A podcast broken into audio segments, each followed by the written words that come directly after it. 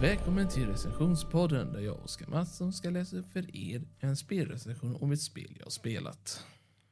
Veckans spel är Jurassic World Evolution 2. Och detta är mer eller mindre en, eh, hur ska man säga det, uppföljare till ett annat spel med, sam med nam samma namn, minus tvåan förstås, som uppenbarligen. Uh, det är uppgraderad version jämfört med det föregångna, så att om ni undrar liksom varför jag inte gjort första versionen är därför att jag tyckte det var lite med att göra just den. Så jag gjorde en recension på tvåan istället som är uppgradering och bättre på det viset. Till skillnad från ettans var story är kopplad till fem öar, eller fem delar på tre öar tror jag nog det var till och med, eller fyra öar. Ah, well. Så är detta spelet mer eller mindre byggt på att du följer en story. Storyn kan vara är lite olika beroende på situationer och därmed kan vara olika sätt att överleva eller klara uppdraget.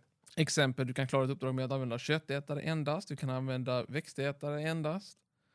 Men om du gör detta så kommer vissa uppdrag inte avslutas och du kommer hamna i ett ja, kritiskt läge där du säger oj, jag skulle behöva göra det här men jag har inte pengar nog för den.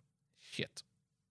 Men i alla fall, nu så finns det olika saker som är tillagda jämfört med föregångna spelet. Föregångna spelet hade ju attraktioner och liknande, men nu är det mera att du kan ändra olika attraktioner till att se olika ut. Till exempel matbutiker kan ha med eh, sten, ut, stenstil eller trästil eller metallstil. Du väljer och sen väljer du också vad de ska ha för olika delar.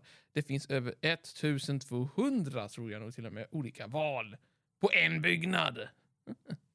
Och det finns tre stycken former av denna byggnaden. Och du kan ändra färg. Ja, du kan ha rött, blått, gult, allt typ av sånt på ett hus. Du kan hoppa sen till ett nytt som är samma slags hus och du kan ändra om den till att vara grön och röd bara. Och ändå funkar de tillsammans. På detta vis får kunderna en tanke att hej, där har jag inte varit. Du lurar alltså kunderna, mer eller mindre. I föregående spelet så fanns det ju inte att man kunde bli skadad i sina fordon, vilket betyder att man kunde ibland bli ivägslungad av dinosaurier. Och när jag menar väl, ivägslungad så menar jag uppskjuten som en raket utav en dinosaurie som bara snärtar till bilen. Nu kan bilen explodera! Ja, det är en lite negativt. Det finns också av någon dum anledning så sa, tyckte de att ah, vi ska ha det lite mer realistiskt och la till toalett. Ja, nu finns det toalettbehov. Varför? Ah, well. Realist? Riskt? Ja, men det förstår jag. Dinosaurierna senare är utökade med flera andra, flera DLC har lagts till med tiden och dessa DLC kan jag inte räkna upp allihopa eftersom att varje DLC har varit otrolig. Vissa är från kritatiden, vissa från djuratiden, ni förstår olika tidsepokrar. En del av dem är till och med marina sjödjur. Och ja, det är en ny grej egentligen med detta spel jämfört med föregångna spelet. Föregångna spelet hade ingen luft eller vattenslags djur. Därmed fanns det bara mark, vilket var ganska sorgligt. I tvåan finns det flygande och vattendjur. Och du ska bygga alltså pölar eller ja, dammar, liknande platser för de här djuren. Hurra för det, mer realistiskt. Och sen så har man ju det andra valet där det är att du kan bygga burar för flygande varelser. Ja, ni förstår vad jag menar. Det finns också ett deluxe-paket med fem stycken dinosaurier, ett fordonsutseende och du kan även, om du går med i deras nyhetstablå, få ytterligare ett par skins.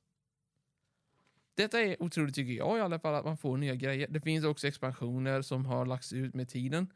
Jag tror det är tre stycken. Allihopa tre bygger på filmerna. Detta är ju Jurassic Park, Jurassic World, story liknande. Så var med på att det kommer vara imponerande DLC på det viset. Utmaningsspelen, eller utmaningsbanorna, vid namn Chaos Theory. Ja, Ian Malcolm om ni undrar vem det är, så i alla fall så, ja.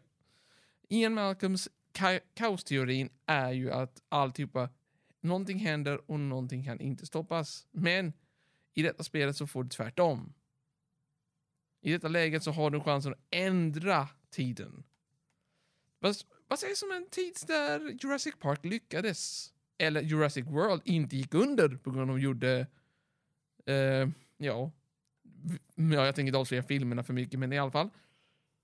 Eh, varje kapitel är ihopkopplat med någon av filmerna och därmed på det viset har de Allihopa. En otrolig berättelse. Om vi tar ifrån första filmen. Jurassic Park lyckas.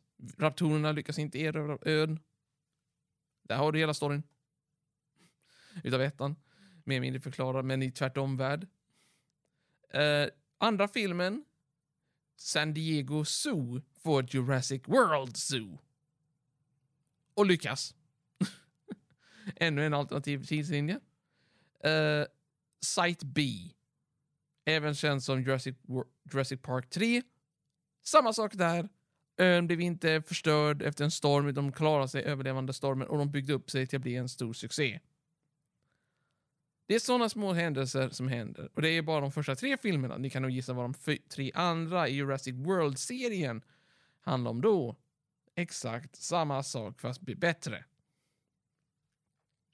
Och det bästa av att du, du som spelare, får tillgång till att ändra, sätta ut byggnader. Du får bestämma vilka dinosaurier som ska göras. Du får bestämma hur burarna ska vara. Eller ja, områdena som dinosaurierna kan vandra. Och du måste se till att de har allt de behöver. De är kritiskt inställda på att vilja ha saker som passar för dem. Till exempel sand för vissa dinosaurier, träd för vissa dinosaurier, buskage för vissa dinosaurier och såklart en och annan get för de där köttätarna som allihopa säger hej, vi har något att jaga. Men dock så finns det ett problem med alla dessa, det är att vissa dinosaurier blir väldigt ilskna eller inställda på att vilja förgöra allt i sin väg. Detta lilla problem är det att du kanske har glömt någonting som de behöver, som vatten, träd, landsmärken, sådana saker mer eller mindre. Du kan bygga ett underbart zoo, alltså en riktig Jurassic Park. Men, av alltihopa jag har lärt mig med detta spelet, tänk efter på vad du gör. Vissa dinosaurier gillar inte varandra. Och ja, det finns hybrider. Dr. Woos hybrider. Om ni undrar vilka de är, då ska jag förklara i alla fall några av dem. Så vi vet så finns det vissa som är från tv-serier, filmerna och andra serier som är kopplade till detta. Exempel ett, Kritalägret, som gjordes för barn. Jag menar Jurassic Park för barn. Jag skämtar inte. Och vad är det första du får ta reda på där? Spinosaurus Rex. Denna varelse är fruktansvärd och är en nightmare fuel i högsta nivå. Därför har jag personligen inte velat visa detta till yngre barn. I mitt fall, jag tycker de som är intresserade ska lära sig att oj, um, det kan vara farligt. Men i alla fall, det är det. Du kan nu skapa denna varelse som är inställd på att döda allting och ja, den är inte som i serien. I serien så kan den lägga ägg själv. Den är genetiskt kopplad till att kunna klona sig själv. Så länge den har tillgång till plats. Oh boy. Detta spel är ju baserat, är ju som ni vet baserad på vad som hände i Jurassic World-filmerna och ja, Jurassic Park lite. Personligen tycker jag att detta spelet förtjänar ett starkt 8 av 5. Eller 8,5 av 10 menar jag, sorry. Men jag tycker eftersom att det har varit mera tillägg så kan jag inte mer än att höja det till 9 av 10. Ett väldigt bra spel Jätteroligt om ni vill ha någonting som är parksimulator. Detta är den perfekta parksimulatorn jag har varit med om om du är intresserad av dinosaurier. Och skaparna har faktiskt gjort andra äh, typer av äh, simulatorspel byggande på park. Med andra djur, det vill säga inte bara dinosaurier. Personligen tycker jag att detta spelet är en tummen upp. En stark tumme upp. Även om det finns många DLC, varje DLC lägger till mer och gör bara spelet bättre och bättre och bättre. Jag hoppas att ni njöt av denna recension. Och jag hoppas att ni fortsätter följa mig i framtida recensioner. Tack för mig. Hej då!